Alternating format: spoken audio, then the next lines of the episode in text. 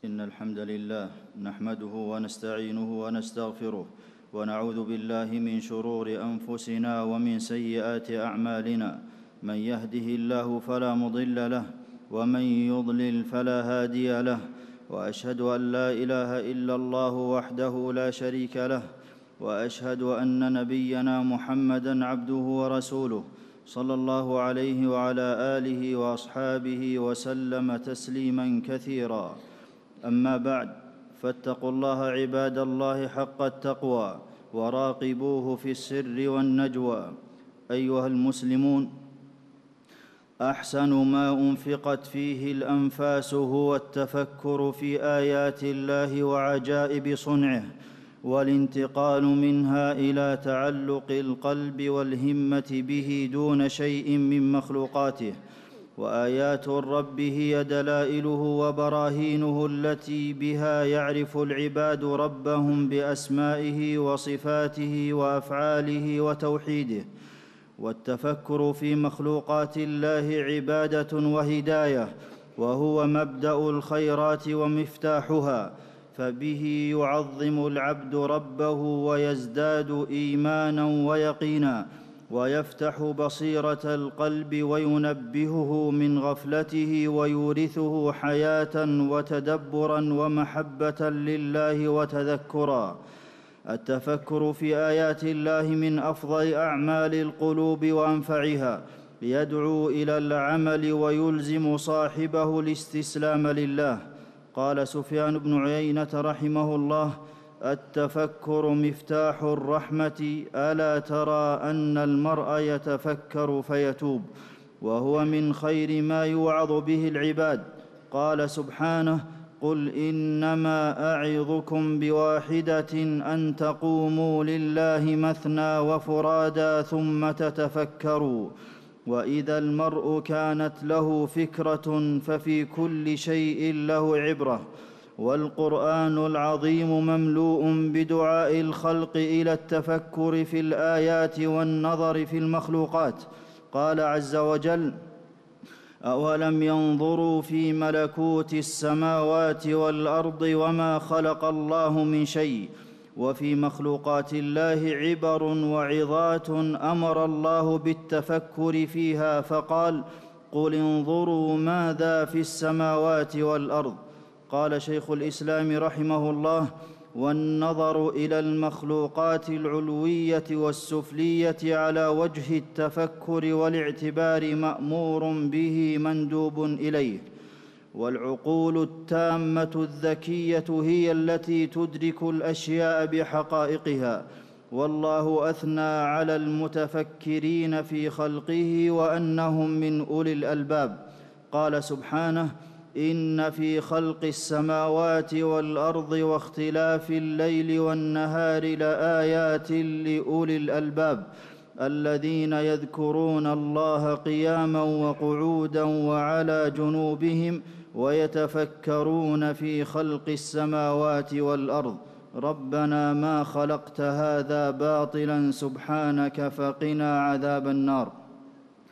وذم الله المعرضين عن التفكر فقال وكاين من آية في السماوات والأرض يمرون عليها وهم عنها معرضون. ومن عقوبات الله صرف آياته عن المستكبرين. قال سبحانه سأصرف عن آياتي الذين يتكبرون في الأرض بغير الحق وإن يروا كل آية لا يؤمنوا بها. قال الحسن البصري رحمه الله أمنعهم التفكر فيها والشمس من آيات الله اليومية العظيمة. قال سبحانه ومن آياته الليل والنهار والشمس والقمر. جعلها الله للكون ضياء وهي في السماء سراج وهاج. تجري بلا صوت مع كبر حجمها بحساب دقيق في فلك واسع إلى أجل مسمى. لا الشمس ينبغي لها أن تدرك القمر ولا الليل سابق النهار وكل في فلك يسبحون. سخرها الله لعباده فبطلوعها وغروبها قيام الليل والنهار. ولولا وجودها لبطل أمر هذا العالم. ففيها من الحكم والمصالح ما يعجز الخلق عن الإحاطة به. جعلها الله دليلا على وحدانيته وألوهيته. فقال ولئن سألتهم من خلق السماوات والأرض وسخر الشمس والقمر ليقولن الله وهي آية لأرباب العقول. قال تعالى وسخر لكم الليل والنهار والشمس والقمر والنجوم مسخرات بأمره إن في ذلك لآيات لقوم يعقلون.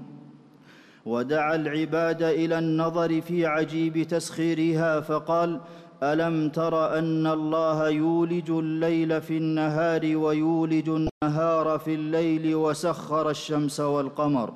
وبها يحسب الخلق أوقاتهم ويعرفون معالمهم. قال سبحانه وجعل الليل سكنا والشمس والقمر حسبانا. وخلق الله الظل وجعل الشمس عليه دليلا. قال البغوي رحمه الله ومعنى دلالتها عليه أنه لو لم تكن الشمس لما عرف الظل. ولولا النور لما عرفت الظلمة والأشياء تعرف بأضدادها. علق الله على مسيرها كثيرا من العبادات والأحكام. ففي الصلاة قال أقم الصلاة لدلوك الشمس إلى غسق الليل. وعن أفضل أوقات الذكر قال وسبح بحمد ربك قبل طلوع الشمس وقبل الغروب. وفي الصيام يفطر الصائم عند غروبها ومن أمارة ليلة القدر تطلع الشمس صبيحة يومها بيضاء لا شعاع لها رواه مسلم. وفي أيام التشريق بعد زوالها يرمي الحاج الجمرات. ومن تاب وزمن انقضاء عبادته وزمن انقضاء عبادة وزمن انقضاء عبادة التوبة ينقضي بطلوع الشمس من مغربها. قال عليه الصلاة والسلام إن الله يبسط يده بالليل ليتوب مسيء النهار ويبسط يده بالنهار ليتوب مسيء الليل حتى تطلع الشمس من مغربها. رواه مسلم. وبصلاة قبل طلوع الشمس وقبل غروبها رتب الله عليها ثوابا عظيما. قال عليه الصلاة والسلام إنكم سترون ربكم كما ترون هذا القمر لا تضامون في رؤيته. فإن استطعتم ألا تغلبوا على صلاة قبل طلوع الشمس أي صلاة الفجر وقبل غروبها أي صلاة العصر فافعلوا. رواه البخاري. وخسوفها تخويف من الله لعباده. قال عليه الصلاة والسلام إن الشمس والقمر لا يكسفان لموت أحد ولا لحياته ولكنهما من آيات الله يخوف الله بهما عباده. فإذا رأيتم كسوفا فاذكروا الله حتى ينجليا. رواه مسلم. ولعظيم خلقها وكثرة منافعها أقسم الله بها فقال والشمس وضحاها ومع هذه العظمة فالله هو الذي يسيرها وهي تسبح له. قال تعالى ألم تر أن الله يسجد له من في السماوات ومن في الأرض والشمس والقمر والنجوم والجبال والشجر والدواب وكثير من الناس؟ وكل يوم بعد غروبها تسجد لله. قال عليه الصلاة والسلام يا أبا ذر أتدري أين تغرب الشمس؟ قلت الله ورسوله أعلم. قال فإنها تذهب حتى تسجد تحت العرش. فذلك قوله تعالى والشمس تجري لمستقر لها ذلك تقدير العزيز العليم. رواه البخاري. وهي مخلوقة فلا تعبد ومن الشرك السجود لها. قال سبحانه لا تسجدوا للشمس ولا للقمر واسجدوا لله الذي خلقهن إن كنتم إياه تعبدون. وغروبها أسلوب اتخذها الأنبياء من أساليب الدعوة إلى الله. احتج إبراهيم عليه السلام على ألوهية الله وبطلان عبادته بمغيبها. قال تعالى فلما رأى الشمس بازغة قال هذا ربي هذا أكبر فلما أفلت قال يا قوم إني بريء مما تشركون. إني وجهت وجهي للذي فطر السماوات والأرض حنيفا وما أنا من المشركين وقد فتن بها بعض الخلق فعبدوها من دون الله. قال الهدهد لسليمان عليه السلام حاكي عن ملكة, عن ملكة سبأ وقومها وجدتها وقومها يسجدون للشمس من دون الله وزين لهم الشيطان أعمالهم فصدهم عن السبيل فهم لا يهتدون. ولسجود بعض الناس لها وغروبها والمسلم لا يتحرى بصلاته والمسلم لا يتحرى بصلاته عند طلوع الشمس أو غروبها فإنها حينئذ يسجد لها بعض الكفار. ولسجود بعض الناس لها ينتصب الشيطان لها عند طلوعها وعند غروبها يوهم نفسه أنهم يسجدون له ولسد ذريعة عبادتها نهي المسلم أن يسجد أن يتحرى صلاة قبل طلوع الشمس أو غروبها. قال عليه الصلاة والسلام لا تحروا بصلاتكم طلوع الشمس ولا غروبها فإنها تطلع بقرني الشيطان. رواه مسلم. وعند زوال الشمس كل يوم موعظة للمؤمن فإن النار تسجر أي تملأ وتوقد في هذا الوقت فتكره, فتكره الصلاة حينها. قال عليه الصلاة والسلام فإن حينئذ تسجر جهنم. رواه مسلم. وطلوع الشمس من غير مجراها أمارة على قرب الساعة وإذن من الله بخراب العالم.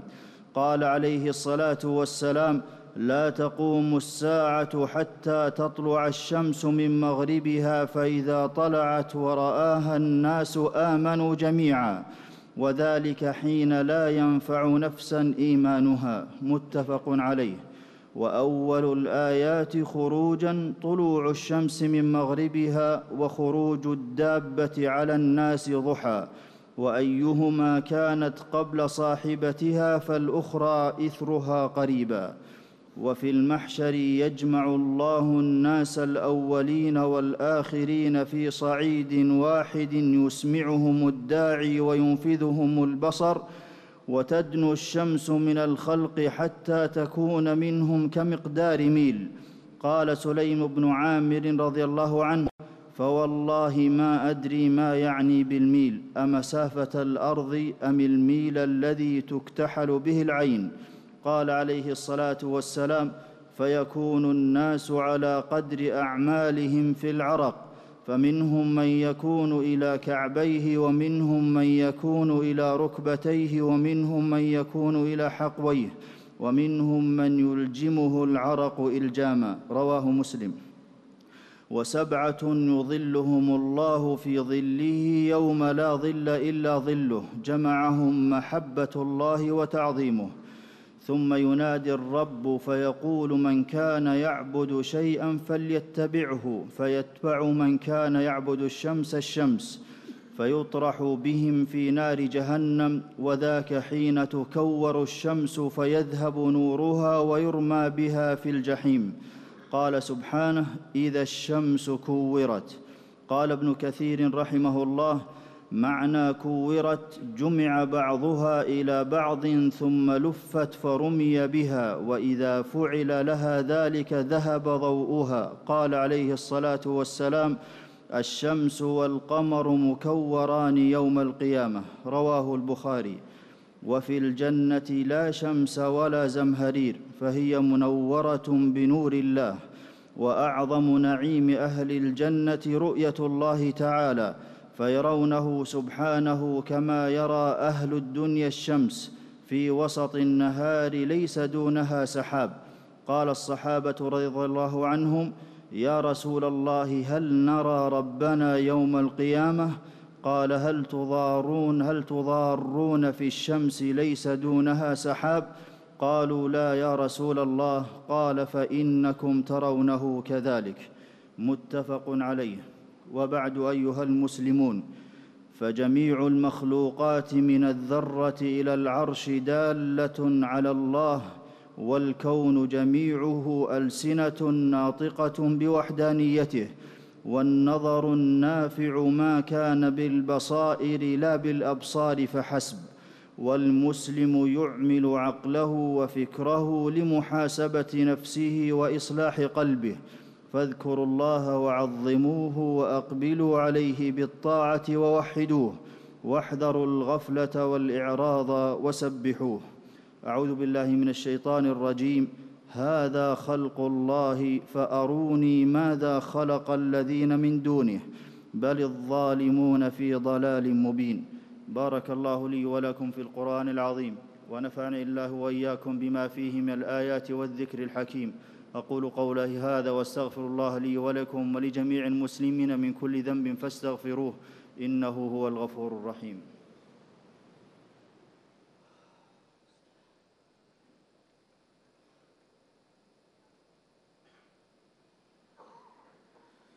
الحمد لله على إحسانه والشكر له على توفيقه وامتنانه وأشهد أن لا إله إلا الله وحده لا شريك له تعظيما لشأنه وأشهد أن نبينا محمدا عبده ورسوله صلى الله عليه وعلى آله وأصحابه وسلم تسليما مزيدا. أيها المسلمون اقتضت حكمة الله أن جعل للشمس ارتفاعا وانخفاضا ينتج عنه الحر والقر وفي حر الصيف عظة للمؤمنين فشدته من فيح جهنم. قال عليه الصلاة والسلام اشتكت النار إلى ربها فقالت رب أكل بعضي بعضا فأذن لها بنفسين نفس في الشتاء ونفس في الصيف فأشد ما تجدون من الحر وأشد ما تجدون من الزمهرير. متفق عليه. والدنيا مشوبة بالألم والنعيم فألمها يذكر بألم النار ونعيمها يذكر بنعيم الجنة. واختلاف أحوالها من حر وبرد وليل ونهار يدل على انقضائها وزوالها والمؤمن لا يقطعه عن الله شيء فلا يمنعه الحر عن صلاة وصوم وبر وخير والله ذم القائلين لا تنفروا في الحر وتوعدهم بقوله قل نار جهنم أشد حرا لو كانوا يفقهون. وعجبا لمن اتقى حر النار كيف لا يتقي نار الجحيم. ثم اعلموا أن الله أمركم بالصلاة والسلام على نبيه. فقال في محكم التنزيل إن الله وملائكته يصلون على النبي. يا أيها الذين آمنوا صلوا عليه وسلموا تسليما. اللهم صل وسلم وبارك على نبينا محمد. وارض اللهم عن خلفائه الراشدين. الذين قضوا بالحق وبه كانوا يعدلون. أبي بكر وعمر وعثمان وعلي وعن سائر الصحابة أجمعين وعنا معهم بجودك وكرمك يا أكرم الأكرمين. اللهم أعز الإسلام والمسلمين وأذل الشرك والمشركين ودمر أعداء الدين واجعل اللهم هذا البلد آمنا مطمئنا رخاء وسائر بلاد المسلمين. اللهم من أرادنا أو أراد ديار الإسلام والمسلمين بسوء فأشغله في نفسه واجعل كيده في نحره وألق الرعب في قلبه يا قوي يا عزيز. ربنا آتنا في الدنيا حسنة وفي الآخرة حسنة وقنا عذاب النار. اللهم أصلح أحوال المسلمين في كل مكان. اللهم اجعل ديارهم ديار أمن ورخاء يا ذا الجلال والإكرام. ربنا ظلمنا أنفسنا وإن لم تغفر لنا وترحمنا لنكونن من الخاسرين. اللهم وفق إمامنا لهداك واجعل عمله في رضاك ووفق جميع ولاة أمور المسلمين للعمل بكتابك وتحكيم شرعك يا رب العالمين. اللهم أمن حدودنا واجعل ديارنا ديار إيمان وقوة وتوحيد يا ذا الجلال والإكرام. اللهم انصر جندنا واربط على قلوبهم وثبت أقدامهم وانصرهم على العدو يا قوي يا عزيز. عباد الله إن الله يأمر بالعدل والإحسان وإيتاء ذي القربى وينهى عن الفحشاء والمنكر والبغي يعظكم لعلكم تذكرون. فاذكروا الله العظيم الجليل يذكركم واشكروه على آلائه ونعمه يزدكم. ولذكر الله أكبر والله يعلم ما تصنعون.